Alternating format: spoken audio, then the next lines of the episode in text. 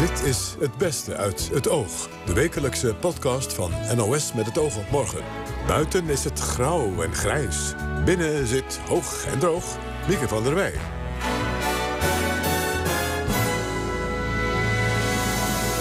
Ja, zo is het. We hebben de mooiste gesprekken van de afgelopen week weer bij elkaar gebracht. Onder meer een gesprek over geweld tegen de politie. Agent Ludo Stoffer vertelt waar hij op straat zoal mee te maken krijgt. En dan willen ze ook nog met je vechten als je ze zegt dat je aan de kant moet gaan. Ja, dan lig je dus weer te vechten omdat die man gewoon vechten wil met het uniform. Hoe zorgen agenten dat ze nog gemotiveerd blijven? U hoort het zo. En nog een ander politieonderwerp, of eigenlijk over honden. We spraken over het Nederlands kampioenschap politiehonden. En daar stonden ook bijtoefeningen op het programma. En dan komt er vanuit een uh, verdekte situatie een pakwerker die mij probeert aan te vallen. En dan zal de hond het initiatief nemen om de man te bijten. En op mijn commando laat hij dan weer los. Ook ruim aandacht voor cultuur. Paul McCartney heeft een kinderboek geschreven. Hey Grand Jude. Erik Bindervoet vertaalde het als Hey Jopa.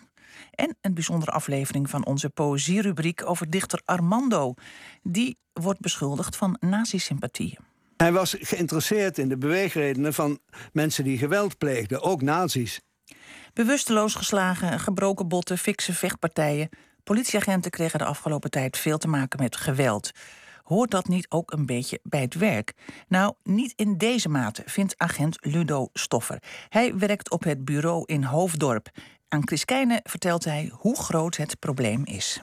Het is iets wat uh, bijna dagelijks uh, gebeurt. Um, ik zit zelf in het team uh, Noord-Holland. Ja. En um, ja, dat is een, een, eenheid van 3500 man om en erbij. Ja. ja, en helaas gebeurt het maar al te vaak. Um, wat ik zeg, dagelijks hoor je wel van een collega van... oh, er is weer gevochten en er is weer een collega gewond geraakt. Ja. En uh, ja, je zou het haast... Je, je mag het niet zeggen, maar je zou het haast gaan denken... het, het hoort erbij, hè? Hmm. Ja, nou ja, een, beetje.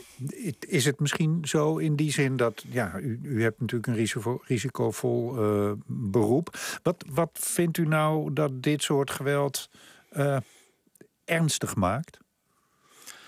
Um, het, het, respectloze, denk ik. Het hm. respectloze naar het uniform. En ik zeg met uh, nadruk nog het uniform... omdat ik wel een beetje van mening ben... dat het richting het politieuniform is. Ik denk ook dat die jongens bijvoorbeeld in die trouwstoet... niks tegen die diender heeft gehad die in het uniform zat... maar nee. gewoon geen respect heeft gehad naar het uniform toe. Dat het uniform zelf het... de agressie oproept, bedoelt u? Nou, niet dat het uniform de agressie oproept. Uh, dat denk ik helemaal niet. Hm. Maar het is de politie die hun uh, dwarsboomt... Ja. Uh, in het luid uh, toeterend rondrijden in een trouwstoet bijvoorbeeld. Ja. Wat heeft u zelf al, zo al meegemaakt op dit vlak? Ja, ik, ik zou haast vragen aan u van hebt u even. Maar, Jawel, we um, hebben wel even. Ja, ja, ja. maar het, het gebeurt heel, uh, ja, maar al te vaak. Als ik de laatste uh, periode kijk, uh, dan, dan ben ik in drie, vier geweldsincidenten betrokken geraakt. En alleen omdat je je werk doet. Uh, het, het, klinkt nou een beetje van drie, vier keer. Het zal wel een gewelddadig mannetje zijn, die Ludo Stoffer. Mm. Maar dat bestrijd ik ten zeerste. Ik doe mijn werk. Ik ben bezig met uh, me, de uitoefening van mijn beroep. Er is een, een, een steekpartij, een vechtpartij in het winkelcentrum in Hoofddorp. En daar wordt de politie naartoe gestuurd. Mm. En als je daar dan bezig bent met uh, verdachtens die elkaar naar het leven gestaan hebben met messen en uh, met flessen op het hoofd uh, kapotgeslagen hebben uit een uh, supermarkt in het dorp. Ja. Dan probeer je de, de, de daders daarvan te achterhalen en die wil je aanhouden. En uh, slachtoffers, daar moet voor uh, gezorgd worden. Want dat is de andere kant van ons werk. En dat hoort er ook bij en daar ben je dan druk mee bezig. En als er dan een aantal omstanders vinden... tot zij uh, daar zich mee moeten gaan bemoeien... op een manier dat het ons werk niet vergemakkelijkt... maar eerder bemoeilijkt... En um, allemaal scanduleuze kreten richting ons gooien... die um, nou ik hier voor de, voor de microfoon mm. niet durf te zeggen... Mm. En dan komt dat woord van die verschrikkelijke ziekte er zeker drie keer in voor. Mm. En dan willen ze ook nog met je vechten. Als je ze zegt dat je aan de kant moet gaan... ja, dan lig je dus weer te vechten... omdat die man gewoon vechten wil met het uniform. Het, en, gebeurt, uh, gebeurt het vaker? Ik bedoel, ziet u het erger worden? Um, ja, ik zie het geweld wat escaleren... en ik zie de frequentie uh, escaleren. En het, het, ze, ze grijpen eerder naar... Um, ja, wat zal ik zeggen, naar, wapens, ook richting ons. Koelvoeten, honkbalknuppels, ehm, noem het maar op. Een mes, ze deinzen nergens meer voor terug. Ze slaan je ook uh, zomaar het ziekenhuis in. En een, een, eerlijk potje vechten is het niet meer. Hoe komt dus het, het geweld escaleert. Ja, duidelijk. En, en, en hoe komt het, u had het net over dat respect voor dat uniform is er niet meer. Hoe komt dat? Ik denk een beetje door de maatschappij waar we nu in leven. Um, we hebben Dumpet, we hebben YouTube. Hmm. Alles wat we doen wordt vastgelegd. Op alles um, wordt een, een, een mening losgelaten door mensen die achter ons staan en mensen die niet achter ons staan. En als je dan op Facebook ook kijkt naar dat soort verhalen die daarop rondgaan dan wordt de politie nog eens een keertje afgefakkeld uh, door omstanders als we ons werk proberen te doen. En er zijn natuurlijk gelukkig ook een heleboel mensen die er wel achter staan dat wij ook incidenteel geweld gebruiken om de verdachten onder controle te brengen. Ja. Maar dat, dat neem je mee. En dat, dat neemt de burger ook mee. En als ze dan zien op dat soort filmpjes... dat de verdachte er vrij makkelijk mee wegkomt af en toe... Ja dan wordt het voor hun ook uh, misschien gemakkelijker om het ook te gaan doen. Ja, en, en, en omdat we het aan elkaar laten zien, lijkt het, lijkt het wel alsof het normaal is, wat het, wat het natuurlijk niet is. Wat is het gevolg? Zijn er, zijn er politiemensen die, die er geen zin meer in hebben hierdoor? Ja, zeker weten. Ja, en uh, het is niet alleen het geweld tegen de politieman wat je doet besluiten om wat anders te gaan doen. Maar het speelt zeker mee. Ik weet van collega's die uh, zijn nu treinmachinist... of die zijn een timmermansbedrijfje begonnen... of um, werken bij hun uh, familie in een wat voor bedrijfje. En waarom? De ene keer hoor je het uh, verhaal van... ja, ik maak meer centen en dat vind ik wel fijn. Het andere keer is het de nachtdiensten... En dat is denk ik ook een hele belangrijke factor. De werkdruk op het rooster. Ja. En je dan ook nog eens een keertje voor die centen in elkaar laten slaan, elke week. Ja, dat zijn er wel collega's die zeggen van nou, ik ga wat anders doen. Nou, nou heeft de ACP, uh, de, de, andere bond, dus voorgesteld uh, vrijheidsstraffen. Gaat dat helpen, denkt u? Nou, ja, als, als ze het voor elkaar krijgen, um, prima. Want zo'n uh, zo meneer uit Rotterdam, die een collega die daar een trouwstoet begeleidt... knock-out uh, tegen het gras slaat, die mag van mij een gevangenisstraf krijgen. Aan de andere kant hoor je dan uh, signalen vanuit het Openbaar Ministerie... van, zeg politie, doen jullie alsjeblieft een beetje terughoudend... in het aangifte doen van mishandelingen hmm. en beledigingen van jullie zelf... want we komen om in het werk... Uh, aan de andere kant hoor je een, um, een, medewerker van de rechtbank gewoon zeggen van... ja, maar het hoort toch ook wel een klein beetje bij het risico van je vak, hè? Als we nog zo denken en zo praten... dan helpt gevangenisstraf niet, want we komen geen eens tot een veroordeling. Nee. Hebt u er zelf nog zin in? Um, ja, ik ga morgen weer gewoon heerlijk vrolijk naar mijn werk... en ik ga mijn ding doen waar ik goed in ben... En um, dat is de, de, ja, het klinkt een beetje afgezaagd wat ik nu ga zeggen... maar dat is het dienen van de, de burgerbevolking van Hoofddorp, Haarlem en omgeving. Ja. En dat ga ik naar eer en geweten doen. En als iemand niet luisteren wil, ja, dan zal hij waarschijnlijk moeten gaan voelen. Maar um, ja, ik, um, ik, ik werk met een hond bij de politie. Ja. daardoor maak ik ook regelmatig geweldsincidenten mee... En ik roep nog uh, elke keer weer van... ik heb de mooiste hondenbaan bij de politie. nou, daar vind ik niks afgezaagds aan, hoor. Ik wens u daar veel succes bij, uh, meneer Stoffer. Dank u wel. Later in de week sprak Lucella Carrasso opnieuw met agent Ludo Stoffer. En met hondentrainer Jeroen Vunderink. Die ging samen met zijn hond Benton meedoen aan het NK Politiehonden. Ja, Benton is een hond die gedreven is in alle onderdelen die wij nodig hebben voor de sport. En dat betekent dat hij heel graag uh, appel loopt, dus gehoorzaam is. Dat hij graag dingen opzoekt, graag dingen bewaakt en graag bijt. En, en wat moet hij opzoeken bij zo'n uh, kampioenschap? Um, bij dat kampioenschap moet hij een aantal zoekverwerpjes opzoeken. Dat is bijvoorbeeld een 9 mm hulsje in een uh, veld van 14 meter bij 14 meter. Um, er is een oefening waar een houten kistje verstopt wordt in een bos... met menslucht eraan wat hij op moet zoeken. Hij moet een pakwerker opzoeken die verstopt staat in een bos. Een wat? Een? Pakwerker, dat is zo'n uh, man die uh, het bijtpak aan heeft... en die dan in het bos verstopt staat. En die moet hij dan opzoeken en aanblaffen zodat ik weet waar die staat. Ja. En er is nog een laatste oefening en dat is surveilleren. En daar is eigenlijk een spoor gelopen door een bos... waarin een tas en een breekijzer eh, zijn laten vallen op dat spoor. En aan het eind van dat spoor staat ook weer zo'n bakwerker. En dan moet hij dat spoor netjes uitwerken. Alle voorwerpen verwijzen door daarbij te staan en mijn hond blaft erbij. Waaraan ik laat zien met de, door het opsteken van mijn hand aan de keurmeester... dat mijn hond het gevonden heeft. En zo werk ik een spoor uit. En aan het eind staat de pakwerker en daar blaft hij ook eh, bij. Ja, en, en u had het net ook over bijten. Want moet u ook iemand bijten dan bij het kampioenschap? Ja, absoluut. Dus wij hebben naast de gehoorzaamheid, springoefeningen, zoekoefeningen... hebben wij een, eh, een aantal bijtoefeningen. Ehm, ik doe mee voor het programma en dat heet objectbewaking. Een van de oefeningen is bijvoorbeeld dat ik met mijn hond volg... en hij loopt dus netjes attent naast me... En dan komt er vanuit een, eh, een eh, verdekte situatie een pakwerker die mij probeert aan te vallen. En dan zal de hond het initiatief nemen om de man te bijten. En op mijn commando laat hij dan weer los. Want eh, zijn er dan ook nog regels van bijten... dat je leert niet te ver door te bijten? Of wat, eh, ja, wat zijn de regels bij het bijten? Waar moet De hij aan voldoen? De, de regels zijn dat hij... eh, hij moet gewoon bijten en loslaten op het moment dat hij het commando krijgt. En hoe hard En- hij bijt, dat maakt niet uit. Nou, het liefst hard. Oké, dat is zo hard mogelijk. Ja, ja, meneer ja hij Stoffer. moet het wel menen. ja, Meneer Hij moet Stoffer. het wel menen. Ja. ja, ja, ja. ja, is dat ook wat u denkt als u met een eh, politiehond eh, op pad bent... in, in uw eh, werk als, als bij de politie? Van bijt maar lekker hard? Nou, ik heb liever dat hij hard bijt dan dat hij sabbelt. Dus u, herkent dit wel? Ja, ja, zeker weten. Want ehm, de hond moet eh, door het bijten... moet hij wel ehm, zo kort mogelijk, zo snel mogelijk... een verdachte uitschakelen.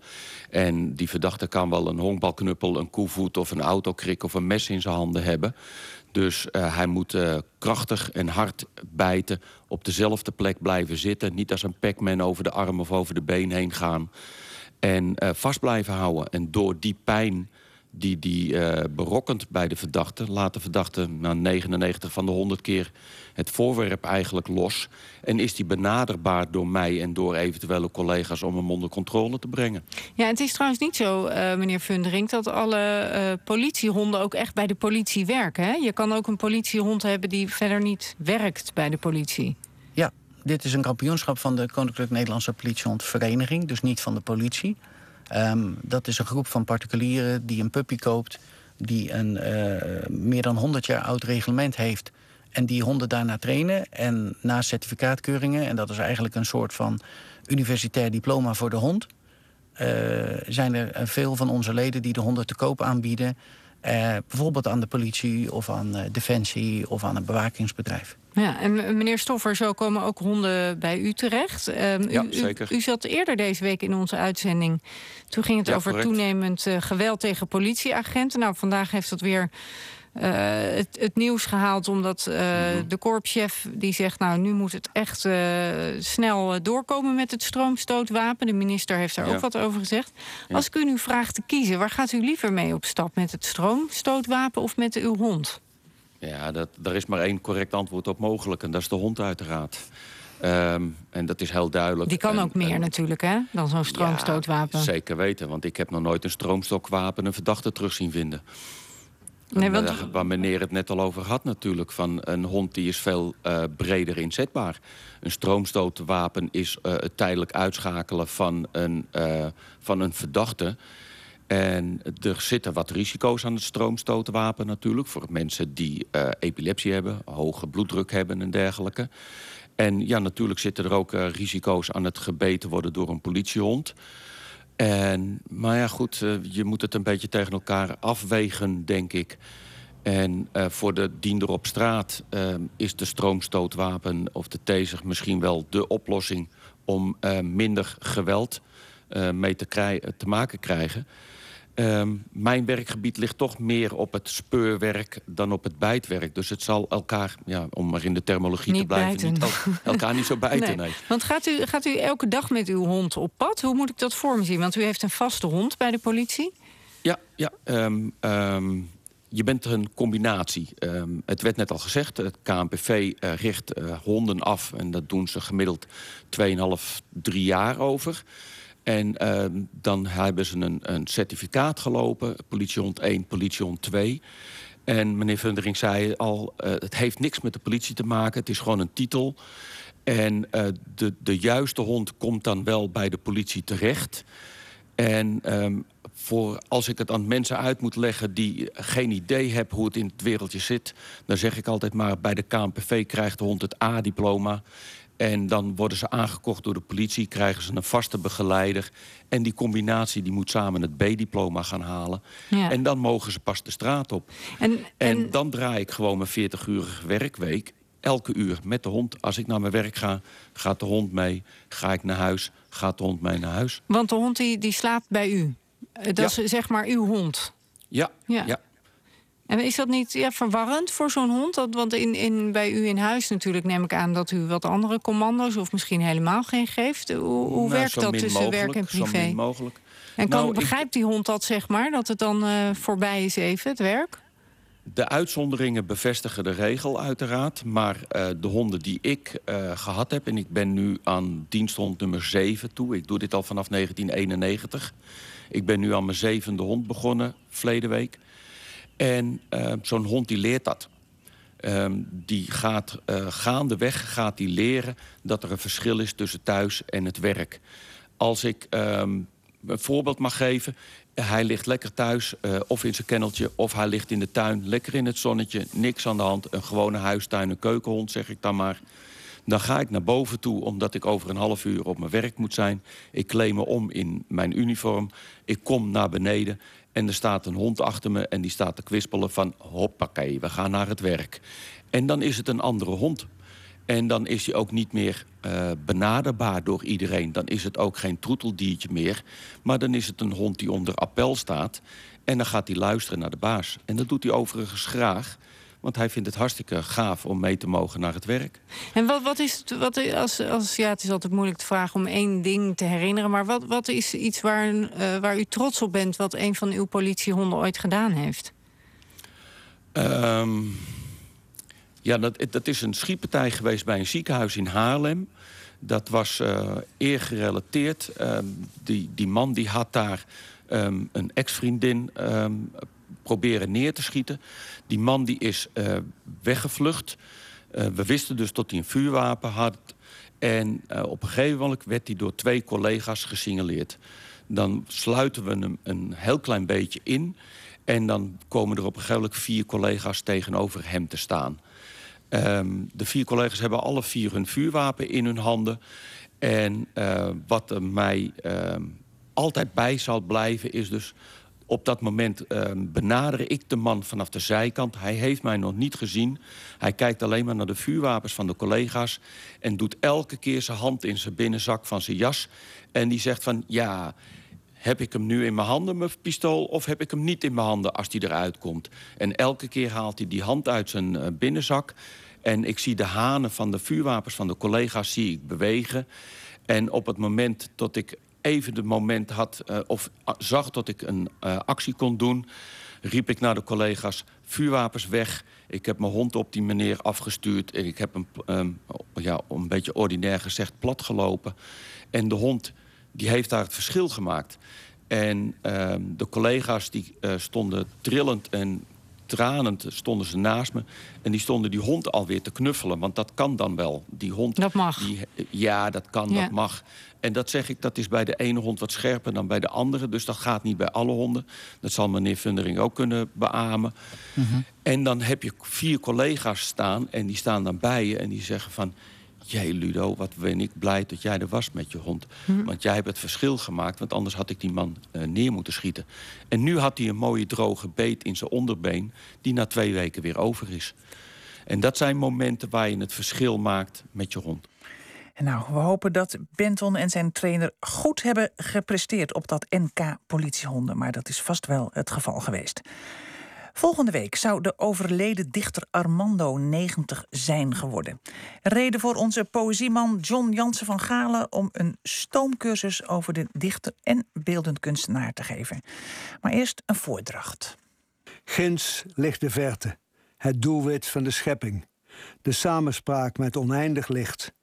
Het denken geeft geen enkele voldoening. De geest probeert hardop te praten.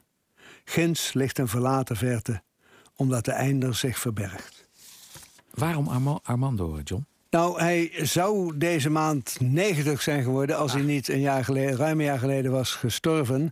En toen is er in zijn uh, huis, in zijn nalatenschap, is er, zijn nog een hele stapel gedichten aangetroffen. 17 waren echt voltooid, dat kon je zien. Die had hij bewerkt, die waren uitgetypt. En er waren ook nog een aantal waarvan de uitgeefster en de redacteur konden zeggen: Nou, als we het zo doen, dan is het waarschijnlijk in de beoordeling van Armando oké. Er waren er ook nog een paar, daar konden ze niet uitkomen en die hebben ze ook niet opgenomen. Maar bij elkaar is het een kloeke bundel. Dit waren gedichten die echt toch, had punt, punt, punt. om te publiceren. Ja, kennelijk. Hij, hij, was nog volop uh, aan het werk op zijn 89ste. Wordt er aandacht besteed aan die 90ste geboorte dan? Ja, er is dus die bundel, toch? maar, er is ook een uh, tentoonstelling van zijn uh, beeldende kunstwerk in het Chabot Museum. En dat is pikant. In een aantal theaters wordt alsnog het eerbetoon opgevoerd dat Sherry Duins, zijn tegenspeelder uit uh, Tegenlicht, en Oleg Lysenko in april aan hem hadden willen brengen in kamp Amersfoort, maar dat toen is afgelast. Je zegt eh, pikant. Ja, dat is pikant, want niemand wou toen precies zeggen. Duins niet, het eh, kamp niet, eh, de directie, waarom het was afgelast. Maar die afgelasting werd voorafgegaan door een protest van antifascisten. Die vonden het ongepast om in een voormalig concentratiekamp eer te betonen aan iemand met pro-nazi-sympathieën. Maar was dat zo dan, Armando? Ja, daar, daar werd hij door die antifascisten van ontdekt en dat uh, verdacht. En dat is al een oude geschiedenis. hij is samen met Hans Sleutelaar in 67 de auteur geweest, de samensteller van de SS'ers. Dat is een bundel interviews waar met Nederlandse SS'ers over hun drijfveren. En dat is quote-unquote. Er staat alleen in wat die mensen vertellen. Die mensen worden nergens tegengesproken, wordt geen commentaar op hun verhaal gegeven. En dat brengt critici ertoe om de auteurs voor vrienden van de SS te houden. Als je ze niet tegenspreekt, zul je wel met ze eens zijn. En dat, dat gebeurde trouwens ook al in 67 en nu recent dus weer. waarom koos hij voor die vorm? Nou, die vorm die hoorde heel erg bij hem. Ik heb hem goed gekend. Hij was mijn chef bij de Haagse Post. Uh, een jaar of tien ouder. Hij was heel afstandelijk tegen ons jongeren. En, en, eh, en ook een beetje een vreemde man. En tussen de middag zei hij altijd, ik ga even wieberen.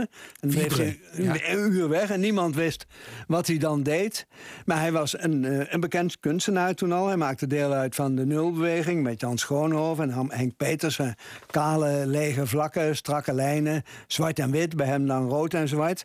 En hij was ook dichter bij de stroming van de nieuwe stijl. En die zette zich af tegen alle bombast en, en poeha en het nadrukkelijke engagement van, van de vijftigers. En, en hij wilde uh, het cool en afstandelijk houden. En hij leidde ons daarin ook op. Een journalist moest zich nergens mee bemoeien, moest zich overal buiten houden. Je moest bij wijze van spreken naar de Tweede Kamer gaan en niemand aanspreken, maar kijken en luisteren hoe die mensen deden en hoe ze praten. En dat moest je noteren. En in die lijn heeft hij met Sleutelaar ook dat boek van, over de SS'ers gemaakt, zonder commentaar. En, en is het uh, logisch dat je daar dan een soort sympathie voor die SS'ers aan uh, verbindt? Nou ja, als je kort door de bocht redeneert wel. Ik vind het een beetje vreemd. Kijk, Armando was gefascineerd, dat heb ik ook gemerkt, door geweld.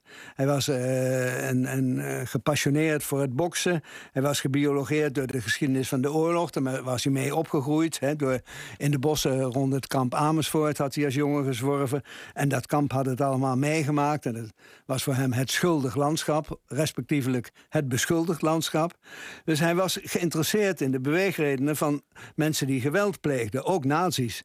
En de laatste editie van het boek is ook opgedragen aan een neef van hem, die hij bewonderde, Dick. En die blijkt ook SS'er te zijn geweest. Maar bewondering en voor een neef is nog iets anders dan sympathie met het gedachtegoed van de SS. Ja. Maar jij zei, ik merkte wel dat hij gefascineerd was door geweld. Hij was absoluut. Hij, het onderwerp, een soort onderwerpen die hij bedacht, was ook altijd had te maken met misdaad en, en gewelddadige misdrijven. Daar wou hij altijd van weten wat, wat was daar dan. Wat had hij dan gespeeld? Wat dreef die mensen? Ja, ja. Wat, en, en je had het over die dichtbundel, hè? toch? Ja. Je hebt er één gedicht uit voorgelezen. Wat ik heb je lees nog, nog even een gedicht. 100. Waarschijnlijk is het 50 jaar geleden dat er iets plaatsgevonden had. Sindsdien bewoog de bodem niet meer. Er was geen vlammenzee, geen rouw, geen vernietiging en laveloze plicht. Over honderd jaar is het honderd jaar geleden. Dan heerst de stilte, de leegte, de meedogenloze diepte. Ja. Jij vertelde net over dat afgeblazen, althans mogelijk afgeblazen eerbetoon aan hem in kamp Amersfoort. Gaat het uiteindelijk toch nog door? Uh, nee, het gaat wel in een theater in Amersfoort en andere theaters door. Maar je leest, uh, het kamp is nog steeds bezig een Armando Paviljoen in te richten. Met gewijd aan zijn poëzie en vooral aan zijn beeldende kunst. En Dus ik geef je op een briefje. Ja. Ik ken die mensen een beetje, die antifascisten. Geef je op een briefje dat ze daar geen genoegen, dat ze ge- geen gras over zullen laten groeien. Dus, de, dus eh, wa- wordt vervolgd. Ja. En, en nu hebben we het alleen over, over de dichter. Eh, Ja. Maar Armando deed veel meer, hè? Ik lees nog even een gedicht. Goed? Ja, En graag, dat vind ik heel mooi in dit verband. Gisteren. Lang geleden was er gisteren nog een vijand.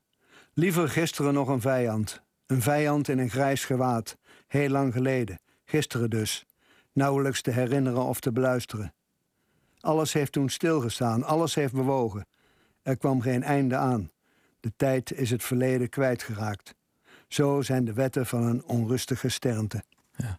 Maar ja, je hebt gelijk, hij was een zeer veelzijdig kunstenaar. Dus ik zei het als journalist, beeldend kunstenaar, beeldhouwer, schilder, eh, theatermaker, acteur. En, eh, Een televisiemaker. Televisiemaker. En, en ja, iedereen herinnert zich Herenleed met, met Sherry Duins en Johnny van Doren. En hij was niet te vergeten violist. Hè, eh, op latere leeftijd violist geworden in het Zigeunerorkest van Tata Mirando. En dat is dan weer heel... ge- Als je dat denkt aan dat cool noteren en dat afstandelijke... dat had hij daar helemaal afgelegd. Want Zigeunermuziek kun je niet en afstandelijk brengen. Dus hij, er is ook wel eens gezegd, hij heeft door die hele fase van afstand nemen van emoties heen gemoeten voordat hij zoiets kon. Eh, zo zich uitdrukken in mislepende, melancholische, nostalgische zigeunermuziek. Dat hij in die muziek, dat hij daar het meeste in zat. Ja, dat denk ik eigenlijk wel. Hij heeft het altijd op afstand gehouden, maar op veel latere leeftijd, hij was toen al, al in, in, in de zeventig, is hij daar doorheen gebroken en heeft hij eh, Ja. ja. haast met tranen doordrenkte zigeunermuziek Is eh, het poëzie gespeeld. die jou raakt? Ja, wat ik zo net voorlas, mooie, er zijn gedichten dat ik denk van vroeger, dat is wel heel erg afstandelijk en kaal. Maar in deze bundel staan ook weer echt gedichten die ik, eh, ja, die mij raken. Waar eindig je mee, John? Ik eindig met een gedicht uit een vroegere bundel. Ze kwamen. Haat. Is de haat vergeten? Als sneeuw voor de hevige regen? Vraag de haat wanneer hij kwam. Hoe de haat ontstaan is. Aan welke grens de haat geduldig wachtte om ongestoord naar binnen te komen. Vraag de haat hoe lang hij duurt. Hoe breedsprakig hij wil zijn. Op welke hoogte haatgevoelens kunnen leven. O haat. Doornige haat. Poëzie van Armando, gelezen door John Jansen van Galen. Dan gaan we het hebben over zanger Paul McCartney. Die eh, kan ook meer dingen. Bijvoorbeeld het schrijven van een kinderboek. Deze week kwam zijn eerste uit, Hey Grand Jude. Vertaler Erik Bindervoets maakte de Nederlandse versie. Hey Jopa heeft hij hem genoemd. Ik laat je eerst een stukje horen van Paul McCartney... die voorleest uit eigen werk en meteen daarna de versie van Erik Bindervoets. My name is Edward Marshall Sr. I have four grandchildren. I call them chillers, and they call me Granddude. Ik heet Eduard Kapitein Senior. Ik heb vier kleinkinderen die ik luidjes noem. Mij noemen ze Jopa. Ja, het is eh, even al duidelijk, het is kwart voor twaalf, dus de, de kinderen Die- die- slapen die al, dus je mag best even volwassen overkomen. Oké, sorry. Dan zou ik het moet ernstiger bedoelen. Ja, eh, eh, ja eh, wat- wat, de- hoe heet het boek nu eigenlijk? Want Het het, gekke is dat het in Engeland heet het Grand... Hey Grand Dude. Ja, En ik zag daar toch wel een, een min of meer duidelijke verwijzing in naar Hey Jude. ja. En die heb ik samen met Robert-Jan Henkers ooit vertaald als Hey Joop. Wie is Robert-Jan Henkers? Dat is mijn collega vertaler met wie ik ja. alle Beatle-liedjes Ja. eh, heb vertaald. Naar Joop vertaald. Hey Joop. Hey Ja. Jude was bij ons Hey Joop. En het, het moest iets eigen tijds krijgen. Hey Grand Dude is natuurlijk een heel eigen tijds eh, woordspeling met dude en de dude. En Ja. eh, die, deze opa is een vrij hippe, hippe knakker. Ja. En ik dacht, nou, als ik nou Joop de, aan vast koppel en Jopa schrijft met Y, dan heb je hey yo. Heb je al iets, al iets hips. Dus, zo ging het. Heel goed. Het, het boek is, is, is, is, zoals het hoort bij een kinderboek. Ik, ik, je, je, je, je kunt het eigenlijk vlak voor het slapen gaan. Kun je, kun je, het, eigenlijk, uh, kun je het eigenlijk uitlezen voor je kind. Ik, nee, ik, ik hoop het, ja. Ik, ik heb het nog niet uitgeprobeerd. Nog, niet in, uh, nog geen kleinkinderen hebbende. Maar nee. uh, voor, ik ben benieuwd hoe het, wat, wat het effect is. Het is eigenlijk opgebouwd als een, als een klassiek sprookje. En, en, ja, met, met een drieslag. Dat is altijd met een sprookje. Ja, gaat in drieën. Het gaat altijd in drieën. Ja, ja. Ze komen eerst op zandstrand, dan komen ze in. Ja, even, even uh, opa met de kleintjes. ja, ja. En, en door een soort kompas, hè, wat ik ervan begrepen heb. Magisch kompas. Komen ze eigenlijk weg van de plek waar ze zitten. Mm -hmm. Ze willen eigenlijk uh, niet naar bed, ze willen eigenlijk hè, ze willen het land uit. Ze willen weg Engeland uit. Weg, weg uit van Engeland, zo snel, zo snel mogelijk, ja. ja, ja. En waar komen ze terecht in? Uh, eerst in een, even kijken, eerst aan een mooi zandstrand type Hawaii, zeg maar. En dan in de woestijn met, uh, met bisons en cowboys. En aan het einde in, in de bergen, in de Alpen, met, met, met sneeuw en een uh, lawine. Want het, het, is altijd eerst is het mooi en idyllisch. En dan gebeurt er wat. Ja. Waardoor ze toch weer weg moeten. Ja. En uiteindelijk zijn ze in een, in een bedje toch het beste ja. op een plaats. Nou, nou, nou, zou je denken, ik ben geen, absoluut geen, geen Beatle-kenner... maar ik heb natuurlijk al die liedjes altijd wel ja. gehoord... Dat, dat iemand die op leeftijd raakt zoals Paul McCartney... ook nog nodig heeft meegemaakt... dat er ook wat zwaarte in dat boek zit. Maar ik vond het best wel heel het is kinderlijk en luchtig. Ja, maar dat, zeg niet kinderachtig, maar nee, kinderlijk. Nee, maar dat, dat is natuurlijk kenmerk uh, voor Paul McCartney ook. Ja? Hij, heeft, hij, heeft, dat altijd in al zijn liedjes ook. Is altijd ja, je hebt zijn liedjes ook vertaald. Ja, ja dus dat, dat luchtige en dat kinderlijke... en dat juist die enorme levensdrift en dat, die levensvreugde... Die, die is altijd bij de Beatles. Uh, ik was net in de taxi hierheen... Had, was de taxichauffeur zo vriendelijk om even nog een Beatles-cd op te zetten... en het knalt er meteen weer in. En dat is echt ook de, de levensvreugde die kinderen hebben. Dus dat heeft hij hierin ook bewaard. En ik denk eigenlijk dat het een soort... Uh, portret van de kunstenaar als uh, opa is. Ik denk, het gaat ook over mezelf. Ja, maar ik, kijk, ik heb natuurlijk een beetje gezocht of er nog ja. iets zwarts in te vinden was. Ja. Nee, hebben we gevonden? ooit meer bij mij dan bij, bij ja. Paul McCartney wellicht. Maar uh, uh, nou ja, een van die meisjes heet Lucy. Lucy. Lucy dan denk je, hey, Lucy in the Sky with Diamonds. Ja, ja. Dat stond toch voor LSD gebruiken, hè? Dat is, uh, ja, nou ja, daar, kan, daar kan je ook best vrolijk van worden. Ja, dat, nee, dat mag, mag nee. ik nu wel zeggen, om kwart voor twaalf. Toch? Nee, nee zeker, ik, maar ik vind... Ik, ik, ik, vond zo'n pilletje dan alweer wat... wat, wat dat ja. wat zwarter gaan ogen dan dat je... oh, Maar ze hebben dat altijd ontkend, hè, dat het met LSD te maken heeft. Maar goed, de, Lu- Lucy, ze, ze rijden hier op een koe door de, door de lucht. Ja, Ze zweven op een koe door de lucht. Ja, het, het, het is natuurlijk wel een... eh, ja. En- maar haal jij hier, omdat jij zijn, zijn werk goed kent als, als, als schrijver van, van de liedjes van de, van de Beatles of voor hemzelf, wat, wat haal je hier voor autobiografische eh, Nou, wat- punten uit, uit, Wat uit, uit dit bijvoorbeeld heel erg mooi is, van is dat er op een gegeven moment komt er een, een- een paard in voor, een Appaloosa. De cowboy komt aan met een, op een Appaloosa. En dat was toevallig dat was, eh, het lievelingspaard van eh, eh, Linda McCartney. Van, Ja. van zijn vrouw die eh, eh, over- inmiddels overleden is. Ja. Ja, Dus dat is bijvoorbeeld een, een kleine, kleine verwijzing. maar hij heeft, hij heeft het echt ver, hij heeft het een beetje verstopt, zeg maar. Ja, en ook niet al te veel. Ja, nou, maar je, je, moet, je moet het, als je dat weet, dan, en dan kan je dat ook niet plotseling gaan vertalen met een schimmel of zo. Dat, dat, dat is dan Nee. weer voor de vertaler, moet je dat dan echt, eh, dat moet je er dan wel inhouden dat het een Appaloosa is. Dat is niet zomaar. Nee, nee. En hoe ben jij eigenlijk te werk gegaan in, in dit geval? Je vertaalt vaker. Hè? Ja, Eh, ja is, Eh, Hoe doe je dat in dit geval? Hoe laat je je leiden door wie die Beatle is? eh, door wat Nou ja, zijn ik- toon is? Het is ja, de toon van het boek en natuurlijk dat het ook voor, voor kinderen eh, bestemd is. Dat is natuurlijk ook heel belangrijk. Dat je die, eh, dat je, nou ja, inderdaad, die luchtigheid en die vrolijkheid die het heeft, dat je dat behoudt. En dat Ja. het, eh, ja, En hoe zou je de toon van McCartney omschrijven in het algemeen? in het algemeen. Dat is, over het algemeen is het cheer up en doen alsof er niks aan de hand is. En dan is er vaak net en, een, eh, en maak je een afslag naar iets heel melancholisch. Of hij kan ook dus ook behoorlijk keihard uit de hoek komen, zoals in Helter Skelter of eh eh, Hi Hi Hi of iets Ja. dergelijks. En wat is hier dat afslagje waarvan je denkt van oeh, dat is Eh, toch wel verrassend of even raar? Dat zou, ja. Eh, nou, dat, dat, eh, eigenlijk in die drieslag, el- elke keer gebeurt er aan het einde van zo'n korte episode, gebeurt er iets wat vervelend is. Dus ze zijn aan het strand en er komen allemaal krabbetjes die ze beginnen te bijten. En dan willen ze na- naar een plek waar het minder knijperig is. Of als we in de woestijn zijn met die cowboy, dan rijden ze allemaal te paard. Dan is allemaal jippie jaho, allemaal wat vrolijkheid. En aan het einde komt er een kudde bisons in een stampede op ze, op ze af. En dan moeten ze weer met dat kompas gaan zwaaien en eh, zwengelen. En dan komen ze in de bergen en daar worden ze vervolgens- vervolgens weer verrast door een lawine. Ja. Dus er is altijd wel iets waar, waar, waar je, wat je weer eh, doet ontsnappen. En dan, is, dan is, het, is het huis, je eigen vertrouwde bed, is dan toch het de beste plek om te zijn. daar komen ze dan op uit. Ehm, maar wat hij dus doet, hij, hij, maakt een kinderboek. Dan zou je denk ik stop het er allemaal in, zoals een schrijver. Hè, niet per se autobiografisch, maar die elementen wel gebruikt om, om, om fictie te kunnen maken. Maar hij, hij, schrijft, hij maakt eigenlijk een vrolijk niets aan de hand boekje. Ja, ja, ja, ja. Dat is, ja. maar zo zijn zijn liedjes ook over het algemeen. En daarom, ja, dat, daarom hebben sommige, sommige, mensen hebben daarom juist de voorkeur voor de wat zwaardere, zwaardere nummers van Lennon. Ja. En de, de vrolijke kant. Maar er zit, er zit en kan je er als, als, als, als uh, jij als vertaler, Erik, kan je dan niet stiekem weg even je eigen poëzie en je eigen nou, verhaal aan toevoegen? Ik heb, zonder dat hij het door heeft? Eén zinnetje heb ik. Oh, dat wil ik dan wel dat ene zinnetje. Het was grijs en druilerig. Iedereen was neurig en verveelde zich te pletter. dat, dat, is toch, dat, het moet ook Nederlands klinken. Goed, heb je goed gedaan. Het moet Nederlands zijn, niet hoor? Heb je goed gedaan. We luisteren naar Erik Bindervoet, die uh, het boek van, kinderboek van Paul McCartney vertaalde. En het heet in de Nederlandse versie Hey Jopa.